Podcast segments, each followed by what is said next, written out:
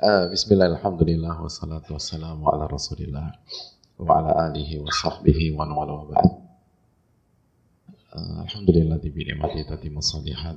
Segala puji bagi Allah subhanahu wa ta'ala yang dengan taufik, pertolongan dan hidayahnya amal soleh bisa dikerjakan dengan baik dan dengan sempurna. Hadirin Allah muliakan, al-mu'takifin dan mu'takifat uh, jamaah yang beretikaf di masjid ini semoga Allah Subhanahu wa taala menerima amal ibadah kita dan memberikan taufik agar kita mendapatkan Lailatul Qadar pada Ramadan tahun ini. Amin ya rabbal alamin. Uh, hadirin yang Allah muliakan. Sejarah mencatat bahwa kondisi-kondisi genting, kondisi berat, dan kondisi yang nggak normal itu senantiasa melahirkan pahlawan dan nama-nama besar. Nama-nama besar itu bukan lahir dari kondisi normal tapi lahir dari kondisi yang nggak mudah, berat.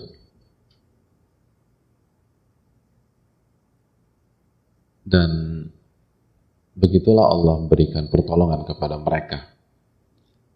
Dan Allah catatkan jejak-jejak karya mereka sebagai ibrah bagi kita. Sebagai ibrah bagi bagi kita. Di antaranya adalah sebuah nama yang senantiasa harum di mata sejarah dan dunia ilmu yaitu Abu Yaqub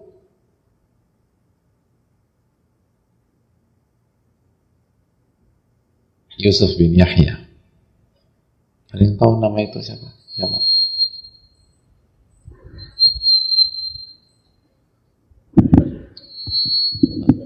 Cek cek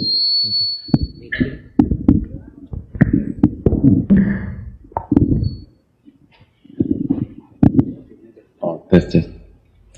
Ya. Nanti pelan-pelan ke tempat parkir kita.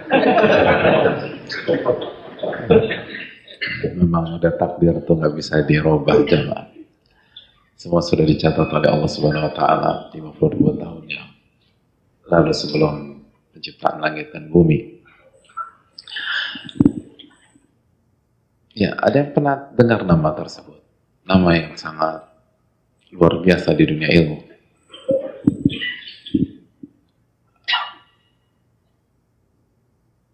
Mungkin banyak orang yang belum pernah mendengar nama ini karena beliau tidak dikenal dengan nama nama aslinya. Beliau dikenal dengan nama Al-Imam Al-Buwaiti rahimahullahu ta'ala. Salah satu murid terbaik Al-Imam Al-Syafi'i rahimahullah.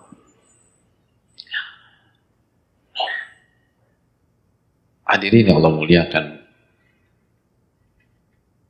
nama yang sangat dikenal dengan ilmu dengan ibadah dengan takarrub kepada Allah dengan tahajud, dengan zikir, dan dengan iman.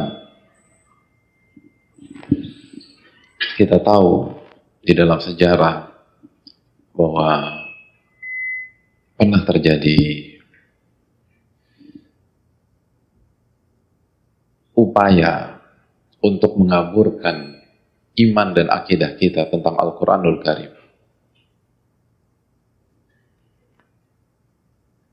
Ada sebuah uh, fitnah yang berusaha menggoncang sebuah keyakinan kita bahwa Al-Quran adalah firman Allah Subhanahu wa Ta'ala. Kita tahu nama-nama besar itu ditimpa musibah atau ujian yang sangat berat karena masalah ini. Di antaranya siapa? Imam Ahmad bin Hanbal rahimahullah taala. Dan banyak orang yang belum tahu bahwa salah satu nama yang diuji juga adalah Al-Imam Al-Waiti rahimahullah. Pada saat Al-Wathiq. Hadirin Allah muliakan. Pada saat itu Al-Imam Al-Waiti dipanggil ke Al-Wathiq.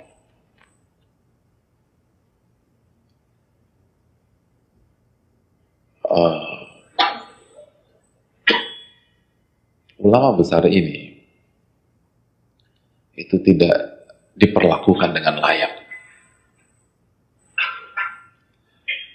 Tidak ada penghormatan, tidak ada ta'lim, tidak ada memuliakan. Ar-Rabi bin Sulaiman, salah satu murid Al-Imam Syafi'i juga, itu menceritakan kejadian tersebut. Beliau mengatakan bahwa Al-Imam pada saat itu bukan di Borgol. Sekarang orang tuh di Borgol. Dulu tidak. Leher beliau itu dikalungkan besi gul dikalungkan besi lalu dirantai sampai ke kaki beliau dan diriwayatkan dirantai dengan rantai yang sangat berat. Rantai yang sangat berat.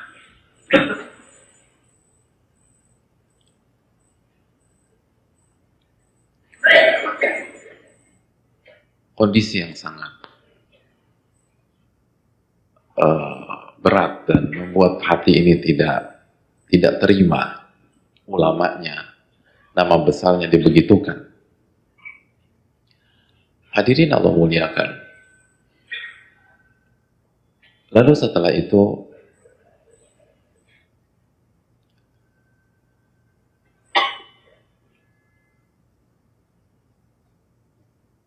sejarah tahu bahwa beliau dipenjara. Beliau dipenjara. Dan mengapa itu semua terjadi? Karena beliau mempertahankan iman. Bahwa Al-Quranul Karim adalah firman Allah Subhanahu wa Ta'ala. Al-Quranul Karim adalah firman Allah Subhanahu wa Ta'ala. Dan bukan makhluk. Karena makhluk tidak sempurna makhluk punya kekurangan. Hadirin Allah muliakan. Maka beliau dipenjara, dibelenggu. Dalam kondisi yang sangat memprihatinkan. Namun, sejarah mencatat bahwa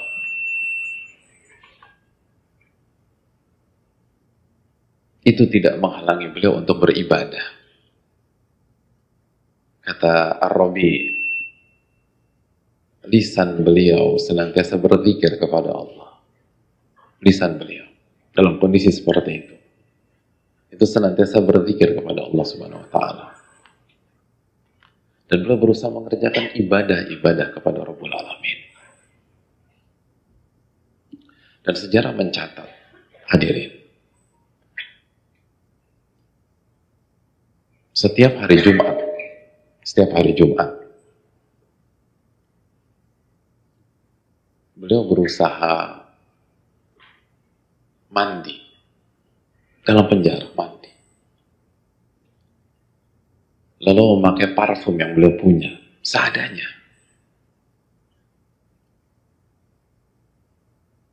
Lalu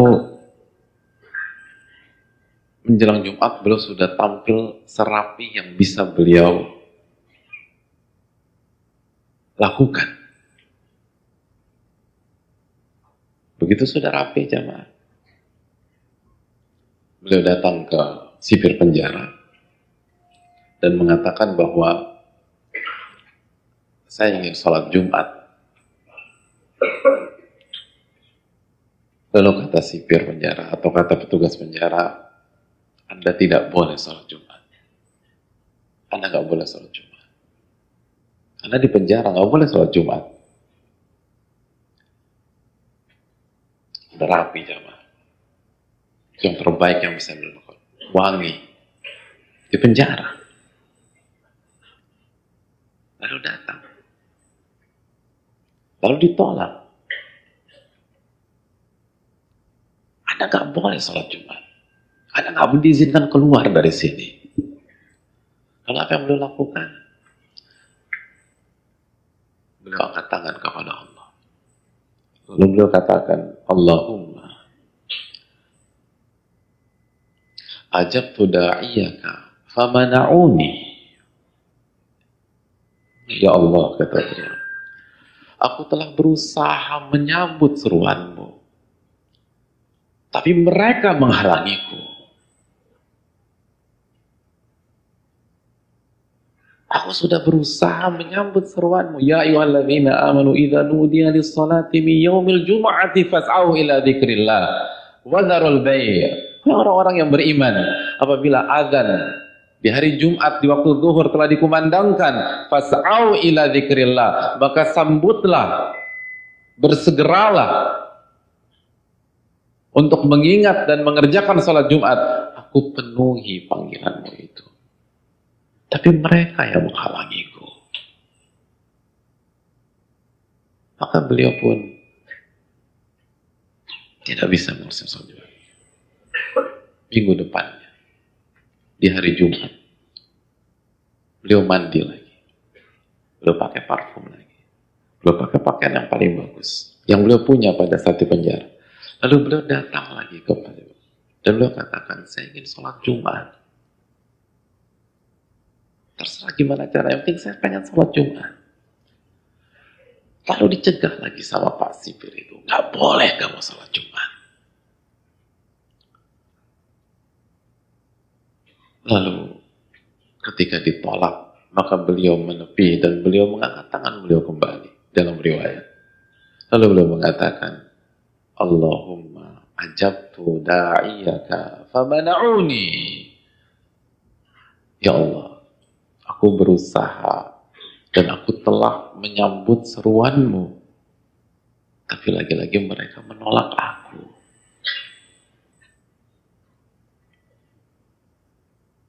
Lalu hari berganti hari. Lalu datang Jumat berikutnya. Lagi-lagi beliau mandi. Beliau pakai parfum. Beliau pakai baju yang terbaik. Lalu datangi lagi Pak Sipir. Lalu ditolak lagi. Lalu beliau angkat tangan lagi. Allahumma ajabtu da'iyaka famana'uni. Ya Allah, aku berusaha menyambut seruanmu dan aku telah berusaha semaksimal mungkin. Tapi mereka melarang aku. Dan dalam riwayat hadirin, setiap Jumat demikian sampai beliau wafat di penjara.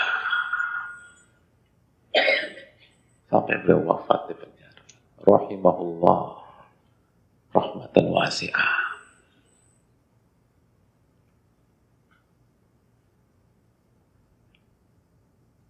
para ulama kita atau para ulama di antaranya As-Subki mengatakan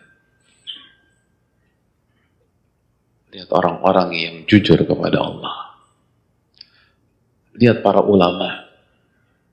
Lihat para ulama. Yang membuat mereka galau. Karena mereka tidak bisa beribadah kepada Allah Subhanahu wa taala.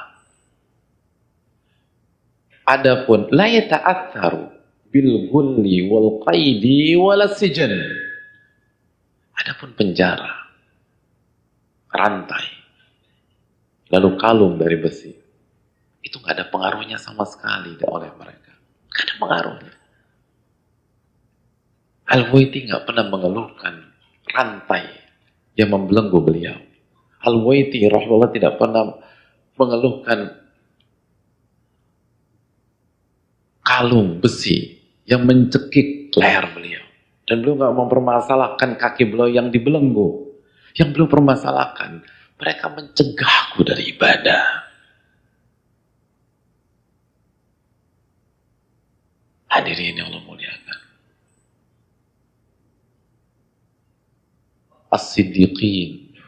Orang-orang yang jujur kepada Allah. Mereka tetap beribadah. Mereka tetap sujud. Mereka tetap berzikir dalam kondisi seperti itu. Hadirin yang memuliakan. Dari awal saya datang, dari ujung kanan ke ujung kiri, saya tidak melihat ada yang dibelenggu di sini. Gak ada yang dirantai. Maka pantaskah kita lepaskan malam-malam ini?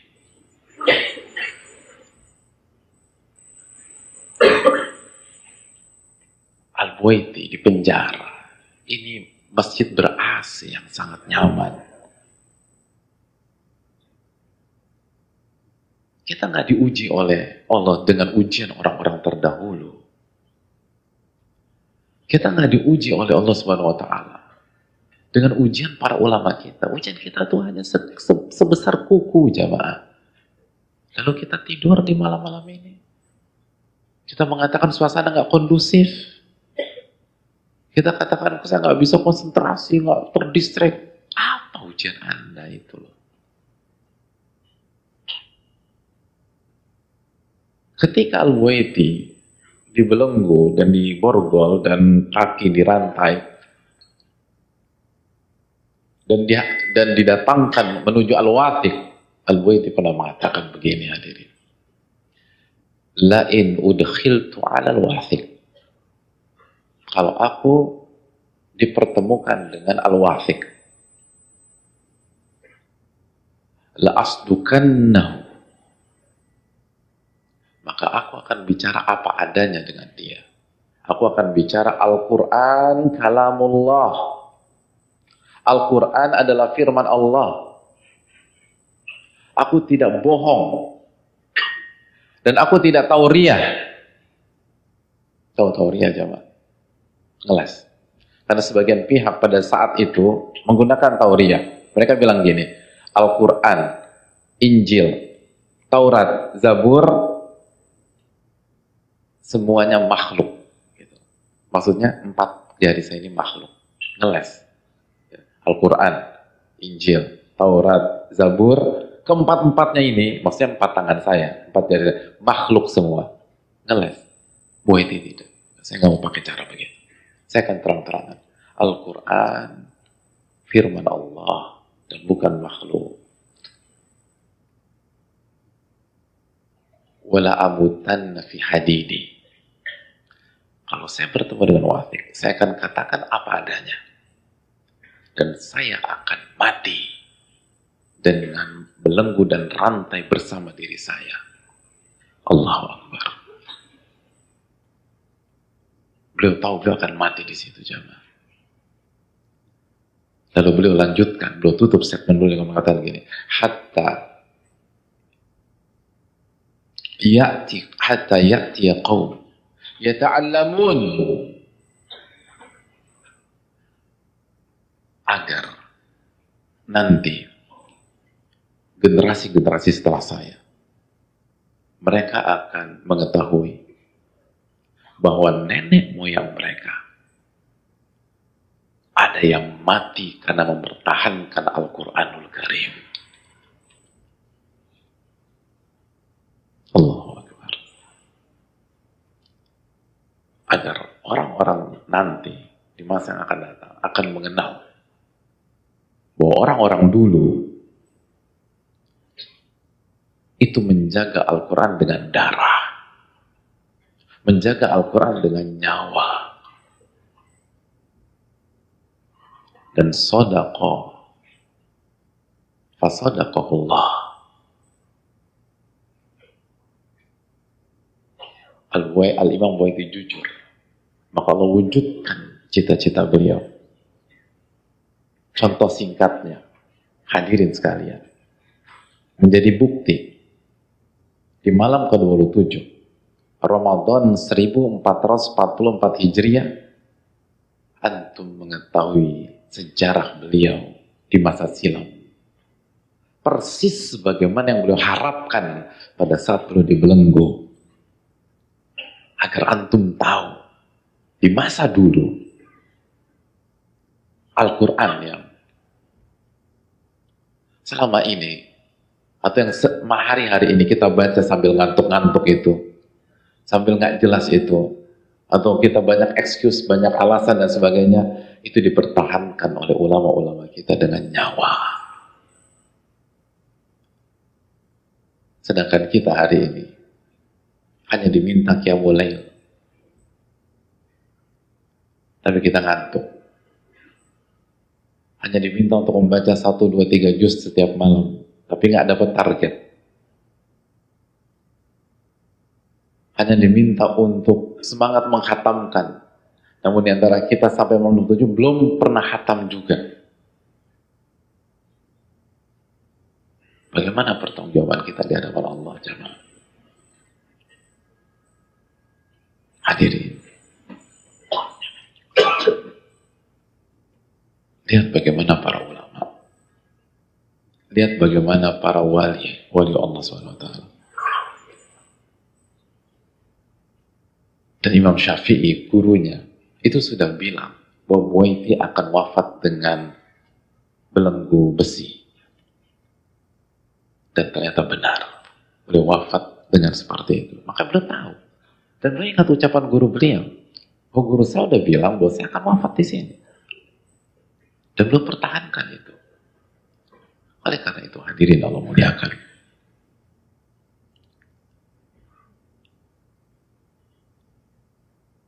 Kalau beliau memperjuangkan Al-Quran di penjara, pantaskah kita tidak memperjuangkan Al-Quran di masjid yang nyaman ini?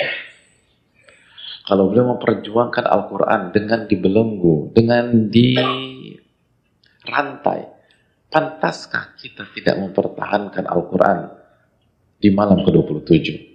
lalu nanti malam ke-28, lalu malam ke-29, lalu kalau dapat bonus malam ke-30. Hadirin. Bagaimana pertanggungjawaban kita dari kiamat? Kalau kita tidak habis-habisan di malam ini. Sedangkan sejarah mencatat, orang itu berjuang mati-matian dengan Al-Quranul Karim. Hadirin.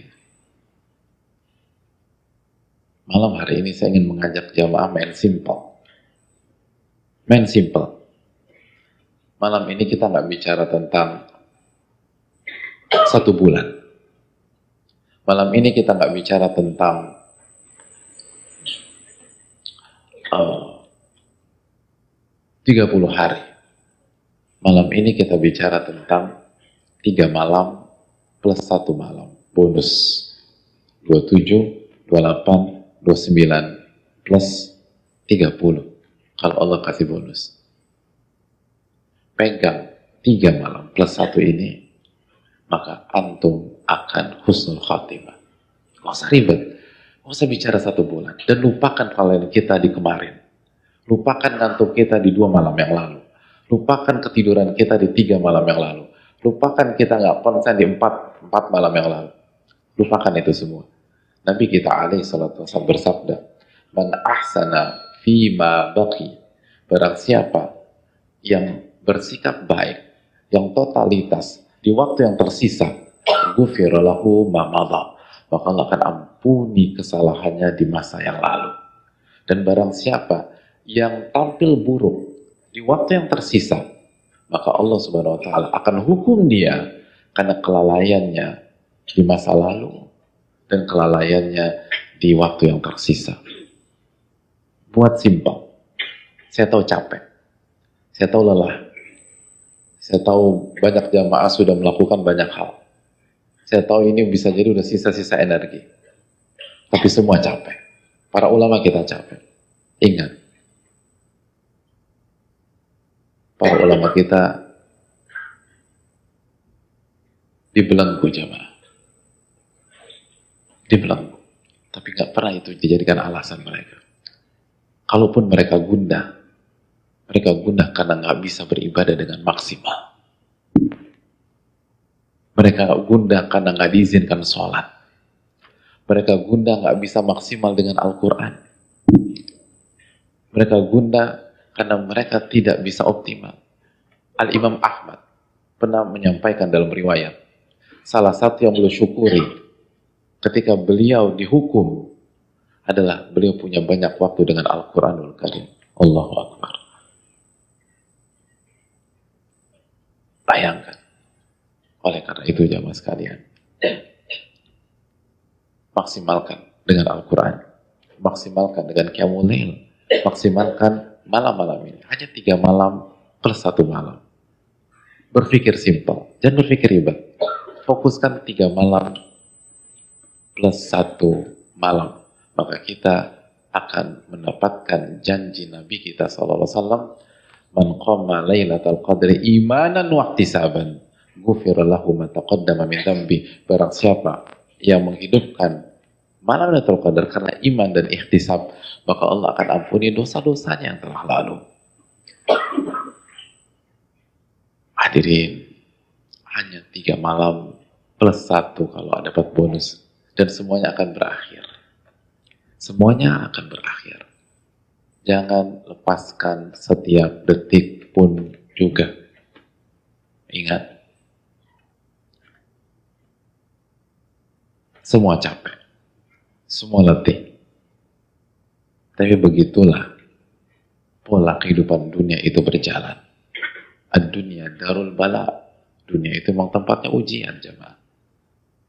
Dunia itu darut ta'ab, tempatnya capek